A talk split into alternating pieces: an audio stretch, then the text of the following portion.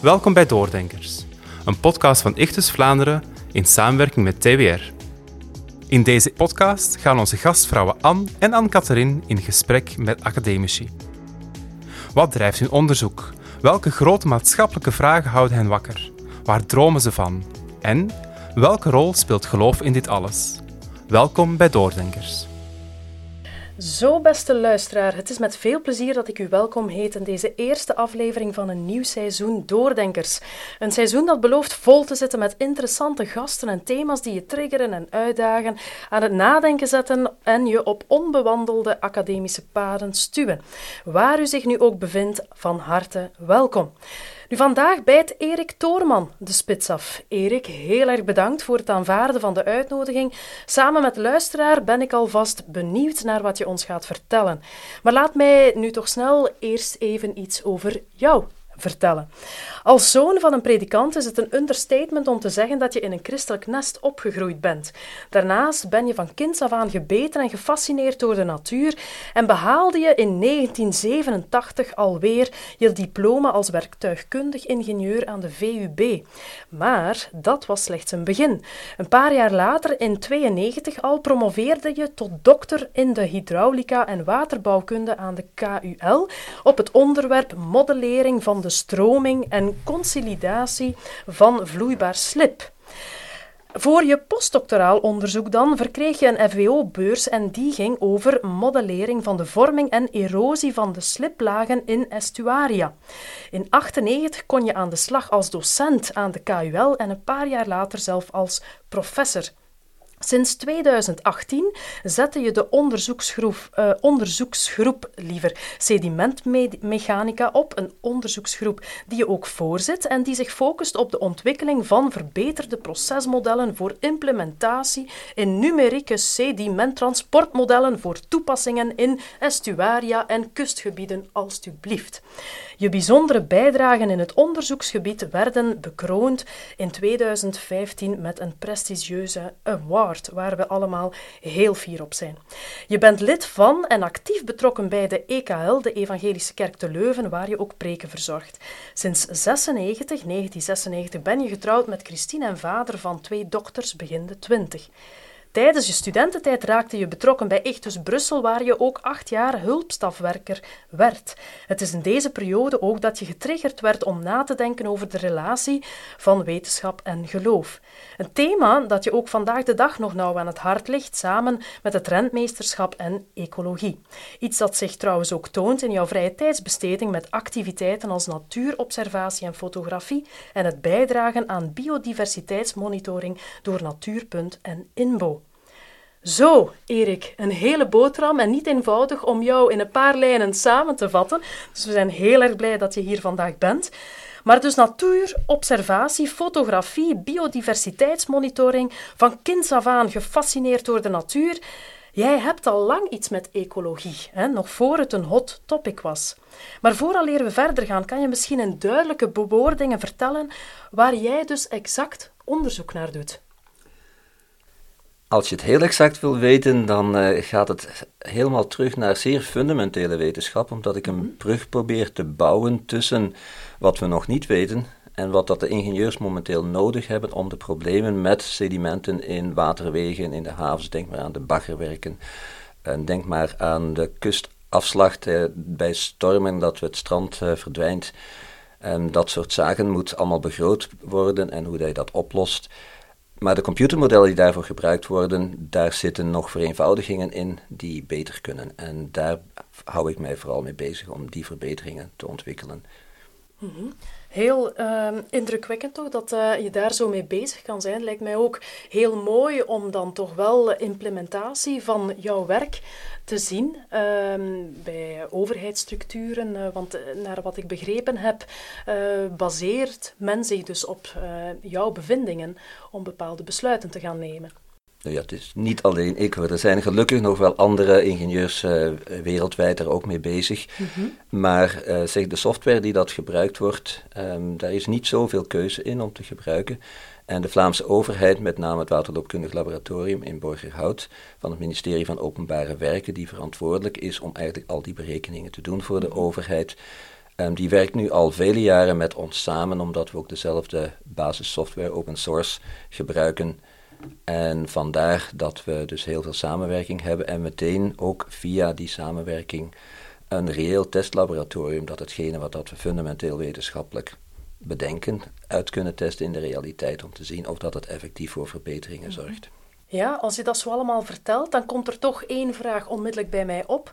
Ehm, hoe beland je in zo'n onderwerp? Dit is een, een vreemd verhaal op zich. Ik noem het soms een ongelukkig toeval, omdat het uh, letterlijk met een ongeluk is begonnen. Um, ik ben terechtgekomen op een, een, vakante positie die vakant is gekomen dat een onderzoeker bij een verkeersongeval is omgekomen. En ik zat uh, op dat moment, um, was ik dus net afgestudeerd.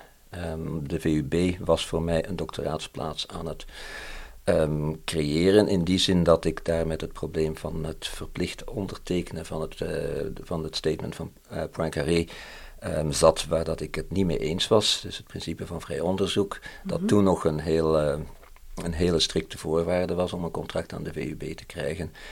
Uh, de prof bij wie ik, dat ik mijn masterthesis gedaan had, die wou mij graag houden voor te doctoreren. En hij had mij beloofd dat hij wel een oplossing ging zoeken, maar toen ik terugkwam van vakantie, had ik nog altijd geen nieuws. Heb ik hem dan gecontacteerd en zeg ja, het is nog niet gelukt, uh, heb je nog een, een, maand geduld. En toen kreeg ik diezelfde maand telefoon van de KU Leuven, waarbij ik, waar ik ook gesolliciteerd had, waar men mij gezegd had, er is geen plaats.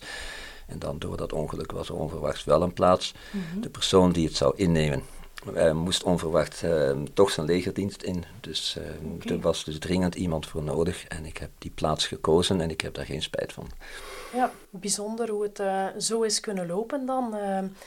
Um, heb jij dan ook um, ja, jouw, jouw christen zijn in heel dat proces um, ervaren um, in die tijd en ook op dit moment in, um, in jouw zijn als professor, jouw zijn als jouw identiteit als wetenschapper. welke rol speelt jouw christen zijn ook daar in jouw geloof? Ook daar moet je misschien een beetje de, zien hoe dat uh, het anders is verlopen dan dat ik oorspronkelijk zelf had gepland. Want ik wou eerst in de voetstappen van mijn broer gaan treden, die, een mhm. oudere broer die ook ingenieur heeft gestudeerd, met het oog om daarmee um, in ontwikkelingslanden te gaan werken. Um, en ook met de idee van als ingenieur kun je um, heel sociaal uh, betrokken zijn en iets betekenen voor deze wereld. in het laatste jaar, toen ik mijn masterthesis deed en daar onverwachts een heel moeilijk probleem een oplossing voor wist te vinden. En dat heeft mij enorm getriggerd en dat heeft mij enorm aangetrokken om met onderzoek verder te willen gaan. En dan via doctoraat is die wetenschappelijke microben om echt wetenschapper te worden uh, gegroeid. Um, ondertussen heb ik dan ook gemerkt, omdat je als je doctoreert en zo moet je ook je uh, bevindingen gaan uh, wereldkundig maken. En toen mhm. heb ik gewoon gemerkt van als christen, als je dan met andere collega's op congressen in het bijzonder, of met je collega's op je werk, um, iets kunt vertellen over je motivatie, wat je eigenlijk je hele levenshouding is, dan kun je daar iets delen van uh, wat het betekent christen te zijn, zonder iets op te dringen.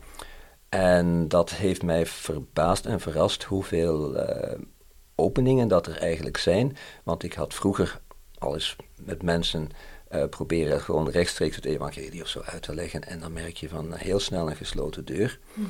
Maar als je het doet vanuit een positie waarin dat je gewoon elkaar waardeert omdat je elkaars werk en onderzoek um, kent en bestudeert, dat creëert uh, echt open deuren. En toen besefte ik in bijzonder hier in Vlaanderen en in België, maar op veel plaatsen in de wereld, dat er heel weinig mensen in de academische wereld zijn die, die gelovig zijn. Mhm. En ik heb het dan als een uh, roeping gezien om daarmee door te gaan in de academische wereld te blijven en vanuit mijn positie iets te betekenen, um, zowel voor mensen, andere wetenschappers, met wie dat je eigenlijk veel gemakkelijker over mhm. geloof kunt praten, is mijn ervaring, dan met mensen die andere expertises of andere interesses hebben.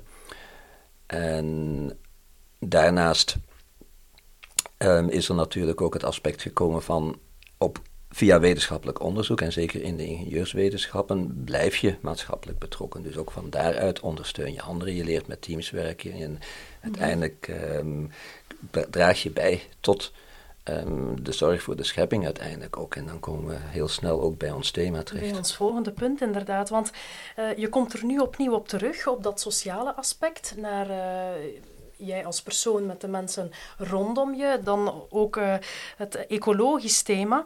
Um, je zei daarnet ook al dat je eigenlijk heel graag um, bij je studie dan um, daar uh, uiting wou aan geven aan die sociale betrokkenheid en iets betekenen voor de wereld. nu, jij als christelijk wetenschapper, hoe zie jij dat het belang van het uh, concept rentmeesterschap juist? Dat is een, een woord hè, dat in evangelische middens wel gekend is. Hoe zie jij die verhoudingen van God, mens, aarde? Hoe, de, hoe um, ja, speelt dat volgens jou? Ja, ik, ik refereer dan altijd heel graag naar wat ik de rentmeesterschap opdracht of zo zou noemen. Dat is de tekst uit Genesis 1, als de mens geschapen wordt, waar dat uh, God de opdracht geeft om te heersen.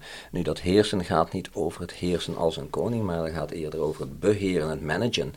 En ik zie daar echt een oproep in van God, van kijk, ik heb deze schepping hier gemaakt voor de mens om hier te leven. Zorg ervoor, en eigenlijk zegt God meteen ook, zorg voor elkaar, want door de schepping te onderhouden, zorg je voor elkaar. We moeten dit onderhouden, zodanig dat we een leefbare omgeving hebben waarin dat de mens kan zijn opdracht vervullen. Mhm. Heb je dan soms... Um de indruk dat die zorg voor elkaar en de zorg voor de natuur, voor de wereld, dat die losgekoppeld wordt, dat mensen zich meer gaan focussen op het ene en onvoldoende op.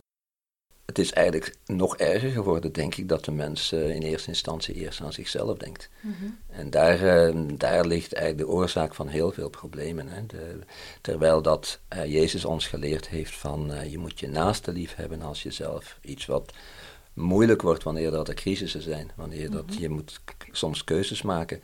De ene mens kan dat beter dan de andere en daar hoef je niet per se christen voor te zijn. Um, dat is iets, een, een, eigenschap die denk ik de mens op zich heeft, maar toch steeds moeilijk blijft om uh, de juiste keuzes te maken, afhankelijk van de situatie. -hmm.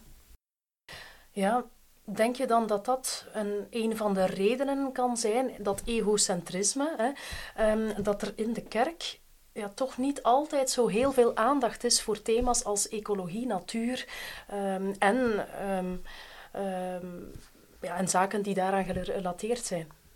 Of zie jij nog andere redenen daarvoor?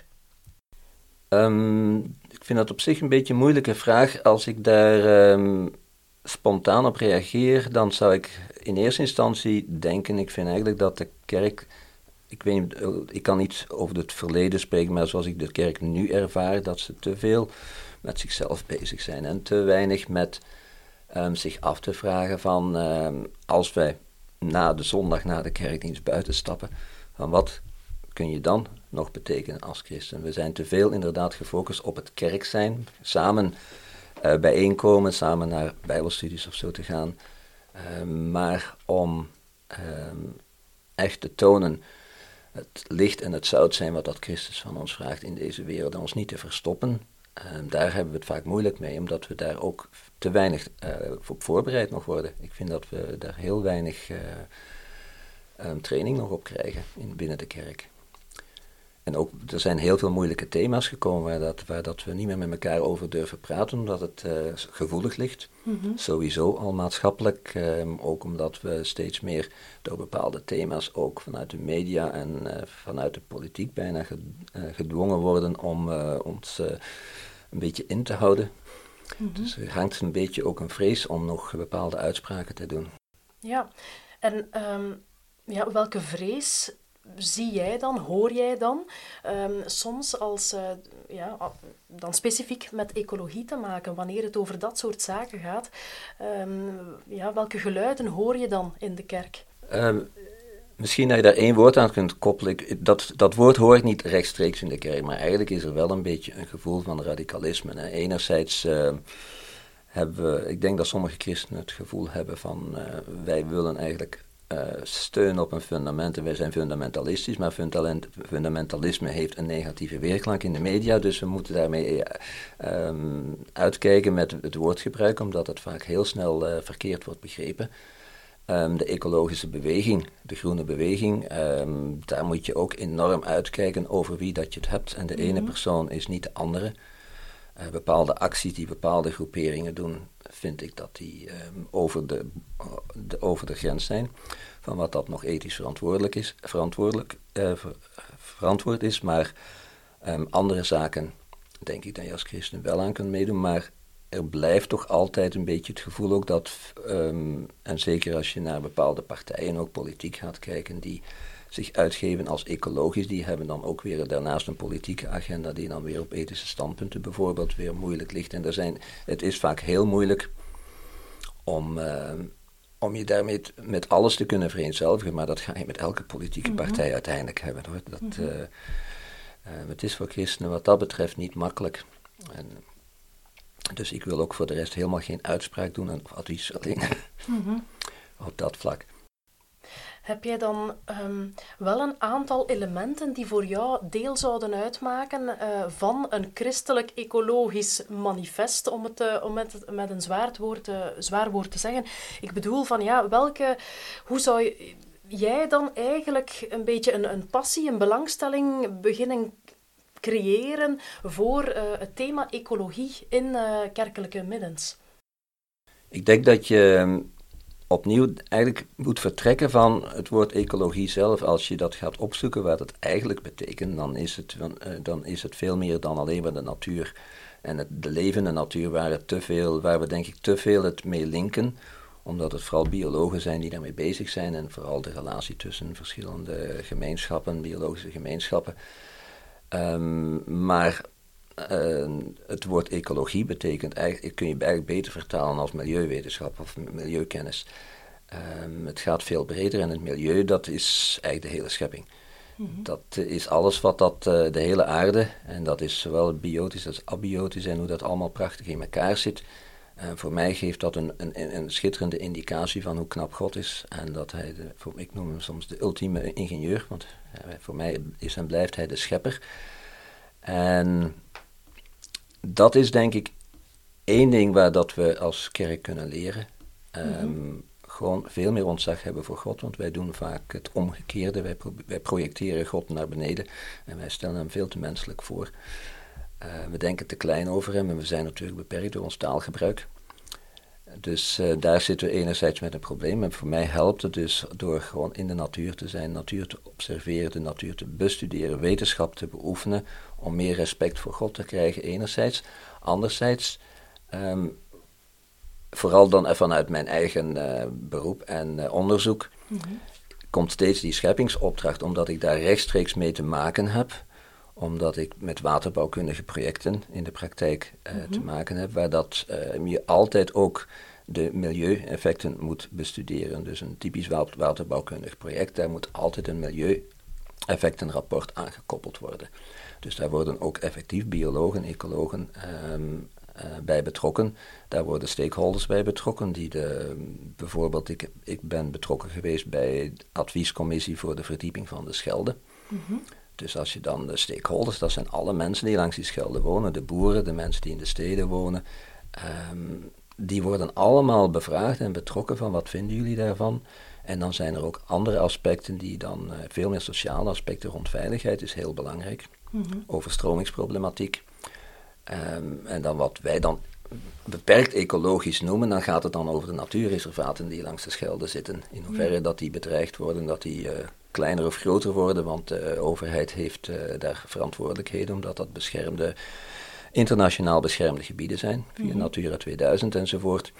Dus dat maakt het allemaal heel complex, maar het is juist dat geheel mm -hmm. dat je eigenlijk als het ecosysteem moet beschouwen. Het, het, het, mm -hmm. het, zijn de mensen, het is, de, het is het land, het is het water en, en het zijn de dieren en hoe alles interageert. Het zijn ook de activiteiten die iedereen daar uitvoert. Dus zelfs alle economische aspecten die er ook natuurlijk altijd heel erg van belang zijn, die moeten ook altijd um, voor gezorgd worden dat die uh, behaald worden, de economische doelstellingen. Ja, dat lijkt mij allemaal ontzettend boeiend en ook natuurlijk razend actueel uh, waar je mee bezig bent. Vandaar ook eigenlijk mijn volgende vraag, specifiek rond het thema en vanuit jouw expertise, dus waar je dagdagelijks mee bezig bent. Welke uitdagingen zie je voor, voor de kerk ehm, die zich manoeuvreert in het behandelen of niet behandelen, of hoe ze het behandelt. Ehm, dus van het thema ecologie. Er zijn verschillende manieren, denk ik, die mogelijk zijn. Enerzijds denk ik dat, zeker als we naar Vlaanderen kijken, de kerken over het algemeen te klein zijn om zich um, op, uh, op, zich grootschalig uh, impact te hebben. Dus enerzijds denk ik dat je klein moet beginnen. En eigenlijk gewoon door zelf het, goede voorbeeld te geven. Um, bijvoorbeeld in de kerk hier in, in Heverlee, waar dat ik naartoe ga, is een van de zaken uh, waar dat we gewoon mee zijn begonnen. Is welke koffie serveren we? Um, waaruit wordt die, uh, waarin wordt die koffie uh, geserveerd? Mm -hmm. Met welke roerstaafjes, welk materiaal? Dus dat zijn hele kleine dingen. Ja. Um, waarmee dat je eigenlijk intern al een beetje bewustzijn kunt gaan uh, opkweken. Anderzijds, als je naar buitenuit meer wil gaan treden, um, dan raad ik eigenlijk aan dat we zo kleinschalig zijn. Om in eerste instantie gewoon mee te doen met alle mogelijke suggesties en oproepen die er al vanuit de overheid en, en NGO's bestaan om allerlei acties uit te voeren. Dat kunnen kleine, dat kunnen grootschalige. Bijvoorbeeld uit onze kerk zijn er een aantal mensen uh, meegegaan uh, met uh, River Cleanup om in, uh, in Wallonië, toen dat ze daar ook het puin zijn gaan ruimen van de overstroomde rivieren afgelopen zomer, zijn er een aantal mensen gaan meehelpen gewoon. En toen dat er hier een bus met vrijwilligers uit Leuven vertrok, dat zijn uh, dingen waaraan dat je gewoon kunt meedoen. En dat geeft mogelijkheden om, uh, te, om te praten met anderen en te zeggen wat motiveert je, waarom doe je dat. En je kunt natuurlijk nog een stap verder gaan en kijken van wat bestaat er aan christelijke organisaties die zich met de thematiek bezighouden. Mm -hmm. En dat is nog veel te weinig bekend. En jammer genoeg in Vlaanderen is dat nog, uh, nog niet zo erg um, uh, bezig. Er zijn een paar mensen die op de hoogte zijn, want een van de, een van de um, interessante organisaties is Arocha. Dat mm -hmm. is een um, christelijke organisatie die natuurbehoud en natuurbeheer doet. Die hebben uh, verschillende natuurreservaten in beheer in verschillende landen in de wereld. Okay. Die doen aan um, educatieve uh, excursies, uh, die doen trainingen, die, uh, die doen, laten vrijwilligers komen om te helpen voor beheerswerken enzovoort. Er zijn heel veel mogelijkheden en die publiceren ook allerlei literatuur, boeken met suggesties mm -hmm. en tips wat dat je kunt doen als kerk, als individu. En het is altijd een droom dat dat ooit hier in België ook ehm, voet aan grond krijgt. Ja, ja. Ja, dat is inderdaad een heel uh, praktisch advies uh, dat je hier geeft, uh, waar ik, ik hoop dat we als kerk toch uh, naar gaan luisteren om inderdaad ook in, in contact te komen met dergelijke organisaties die toch wel uitzonderlijk mooi werk en belangrijk werk ook doen. Um, nu, ja, je bent natuurlijk al een, een, een uh, je hebt natuurlijk al een aantal zaken vermeld, maar misschien voor alle duidelijkheid en ook ja, we hebben luisteraars die aan het rijden zijn, luisteraars die nu even uh, van een kop koffie in de zetel aan het genieten zijn. Misschien dat het wel handig is om heel concreet drie begrippen te horen die volgens u opgenomen moeten zijn in een christelijk um, ecologisch discours. Dus als wij het als christenen hebben over natuurwetenschappen, over ecologie, wat moet dan echt deel uitmaken van dat discours volgens u als professor en uh, deskundige ter zake? Um, ja, je, je, had me die vraag al van tevoren toegestuurd en ik heb er dus even over nagedacht, want uh, drie begrippen is. Uh, uh, daar moet je wel goed over nadenken wat dat je dan gaat kiezen. Maar ik heb de volgende genoteerd. Het eerste is holistisch denken. -hmm. Omdat um, het hele de hele problematiek rond het milieu, of het milieu zelf, gewoon de natuur um, op zich, de schepping, zit heel complex in elkaar. Als je die wil begrijpen, dan moet je eigenlijk alle aspecten die al eerder genoemd zijn, moet je in rekening brengen. Het gaat niet alleen over zeg, de biodiversiteitscrisis, de klimaatcrisis. Het gaat ook over de sociale gevolgen die alles met zich meebrengt. Um, de ongelijkheid in verdeling van, uh, van voedsel, nu de voedselcrisis die dat er eigenlijk nu ook is door de geopolitieke situatie. -hmm. Al die aspecten samen zou je eigenlijk moeten bekijken, omdat uh, het eigenlijk een sneeuwbaleffect is. Hè. Als het bij het ene iets misgaat, heeft dat gevolgen voor het andere. En dat is iets wat, dat, uh, wat dat je als ingenieur wel uh, met de paplepel krijgt ingegoten. Want dat is typisch wat een ingenieur moet doen. Die, een ingenieur moet vaak in teams werken van, met totaal verschillende disciplines en expertise en al die kennis samenbrengen en dat proberen te integreren en, en, en daar allemaal rekening mee te houden. Ja. Het tweede wat ik heb opgeschreven is realistisch zijn. Omdat uh, een, van de, een van de zaken waar dat ik zelf vaak moeite mee heb als ik zelf met um, zeg, mensen uit de groene beweging te maken heb, is dat ze um, altijd aankomen draven met hele mooie idealistische oplossingen en ideeën, die op zich heel waardevol zijn, maar um, die vaak niet realiseerbaar zijn, omdat het enorme gevolgen heeft. Um, want sommige, sommige oplossingen, bijvoorbeeld um, als, je, als je aan de Belgische kust echt een, uh, een weerbare kust wilt hebben die tegen um, klimaatverandering bestendig zou zijn en zeespiegelstijging, dan zou je eigenlijk alle economische activiteit die aan de kust is beter uh, enkele tientallen kilometer naar het binnenland verschuiven. Mm -hmm en de kust uh, aan de natuur overlaten, want we weten dat de natuur zelf uh, kustbescherming opbouwt. Onze vroegere duinenrij, die we ondertussen dus voor het grootste deel kapot hebben gemaakt, maar dat zorgt voor een natuurlijke bescherming. Ja. Net zoals in de tropen mangrovenkusten, uh, mangrovenbossen mm -hmm. ook voor natuurlijke bescherming zorgen. En de natuur onderhoudt dat zelf. Dat kost zelfs niks als het er eenmaal is. Ja. Maar het heeft dus enorme gevolgen van ja, hoe ga je, hoe ga je zo'n uh, volksverhuizing gaan organiseren. Dat kost veel, er zijn heel veel sociale aspecten en het wordt heel snel uh, heel problematisch. Um, dus um, realisme, is, en het is -hmm. vaak wie gaat het betalen. Hè? Want uiteindelijk heel veel dingen kunnen we oplossen als we, als we maar bereid zijn om de kostprijzen voor te ja. betalen. En dan moeten we dan ook nog eens een keer zorgen dat het eerlijk verdeeld is, Noord en Zuid, want daar zijn ook veel problemen mee. En het laatste, dat dan daarmee dan rechtstreeks te maken is, dat alles sociaal en rechtvaardig moet zijn. Dus mm -hmm. dan hebben we het weer over het zoeken naar oplossingen. Um, ja, dat zijn belangrijke aspecten waar het heel vaak ook fout gaat. Mm -hmm. Omdat men, uh, omdat heel veel milieuproblemen eigenlijk um, ten koste gaan van bepaalde groepen. Um, die er zelf totaal uh, onschuldig aan zijn en dan uh, anderen die daar echt totaal niet van aantrekken. En rechtvaardigheid is soms ver te zoeken. En dat is uh, ja, een hele moeilijke, omdat um, dan weer terechtkomen bij het egocentrisme van een bepaalde ja. groep mensen die uh, maar willen hebben, hebben, hebben, ja. zonder zich aan te trekken van de mensen die het niet hebben. En als ik die drie, um, ja, die drie zaken zo hoor, um, ja, dan, dan, dan proef ik daar toch ook zoiets van. Het, ja, de, dat we eigenlijk moeten beseffen dat het, het uh, hebben over ecologie niet zomaar een zaak is van we hebben het over ecologie. We praten over ecologie en we gaan een beetje een geitenwolle sokken uh, discours aangaan. Maar het, het is toch echt wel belangrijk om het te zien in een breder perspectief. Wat we eigenlijk op een microschaal doen, heeft invloed op uh, een hele grote ja, macroschaal eigenlijk. ja, dus dan ja, hebt u daarmee nogmaals gewezen op het belang van een discours, een ecologisch discours, binnen um, onze kerk ook als, uh, als, uh, als evangelische christenen. Um, nu, wat ik mij ook nog afvroeg, um, zeker als we kijken naar de actualiteit, uh, ja, die natuurlijk ook, uh, wanneer dat je het, hebt over een holistische kijk op de zaken, ja, heeft de actualiteit natuurlijk ook onmiddellijk een impact op um, ecologische vraagstukken. Nu, hoe kijk jij dan vanuit jouw onderzoek um, en getekend door uw persoonlijke ecologische visie en passie daarvoor naar de huidige energiecrisis? Um, dat is een moeilijke vraag.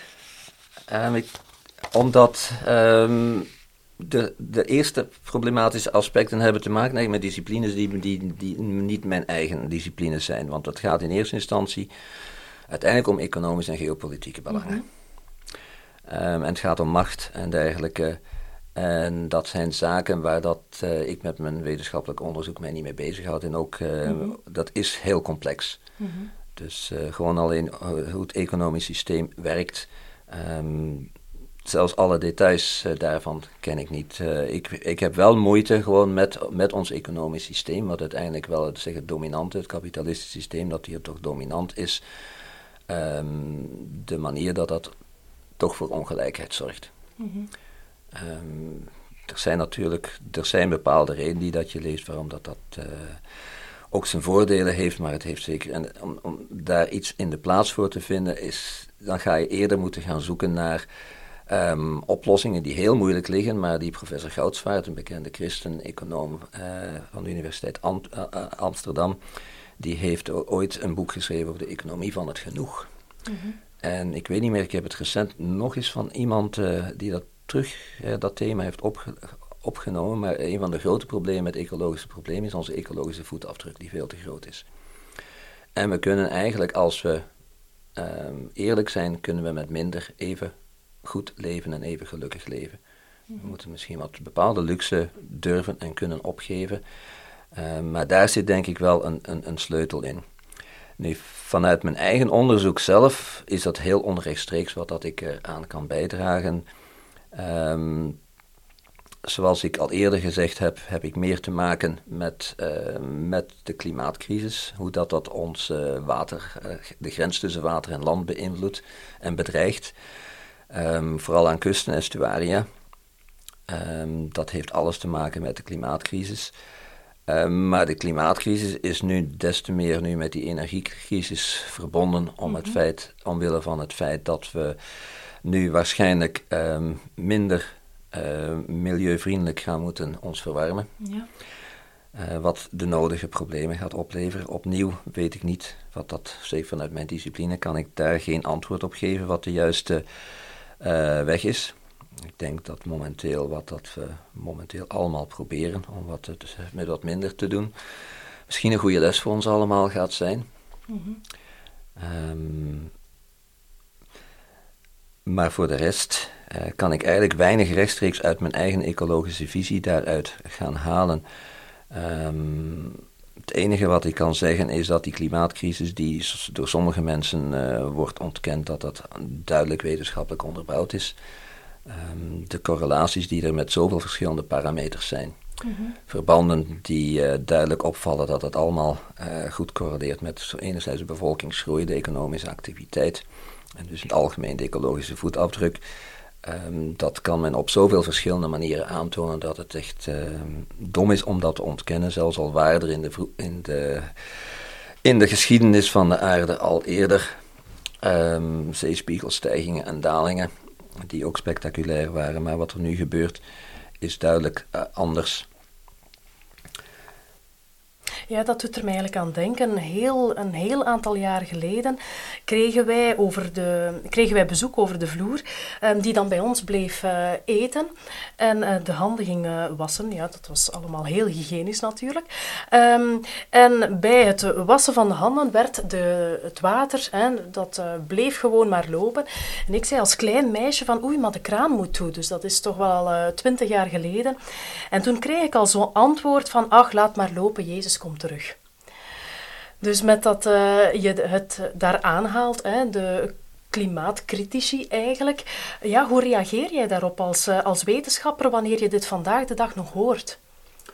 Ik denk dat we sowieso altijd onze sociale verantwoordelijkheid moeten opnemen. En dat betekent dat we moeten uh, nadenken over wat het gevolgen zijn voor onze medemensen. We weten niet precies wanneer dat Jezus gaat terugkomen.